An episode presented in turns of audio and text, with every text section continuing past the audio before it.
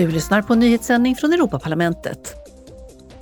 Igår nådde parlamentarikerna en överenskommelse med EU-regeringarna om en ny lag om avskogningsfria produkter. För att bekämpa klimatförändringarna och förlusten av biologisk mångfald ska företagen tvingas se till att ett antal produkter som säljs inom EU inte kommer från avskogad mark någonstans i världen. De nya reglerna gäller produkter som boskap, kakao, kaffe, palmolja, soja, trä, gummi, träkol och tryckta pappersprodukter. Enligt FNs livsmedels och jordbruksorganisation förlorades ett område större än hela EU till avskogning mellan 1990 och 2020.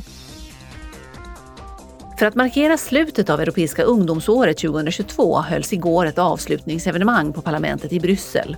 Den avslutande konferensen organiserades av Europaparlamentet, det tjeckiska rådsordförandeskapet och kommissionen Cirka 700 deltagare inklusive parlamentariker, kommissionärer, civilsamhället och ett stort antal ungdomar deltog i temamöten om utbildning och psykisk hälsa. De träffade även EUs beslutsfattare och diskuterade det gångna årets framgångar.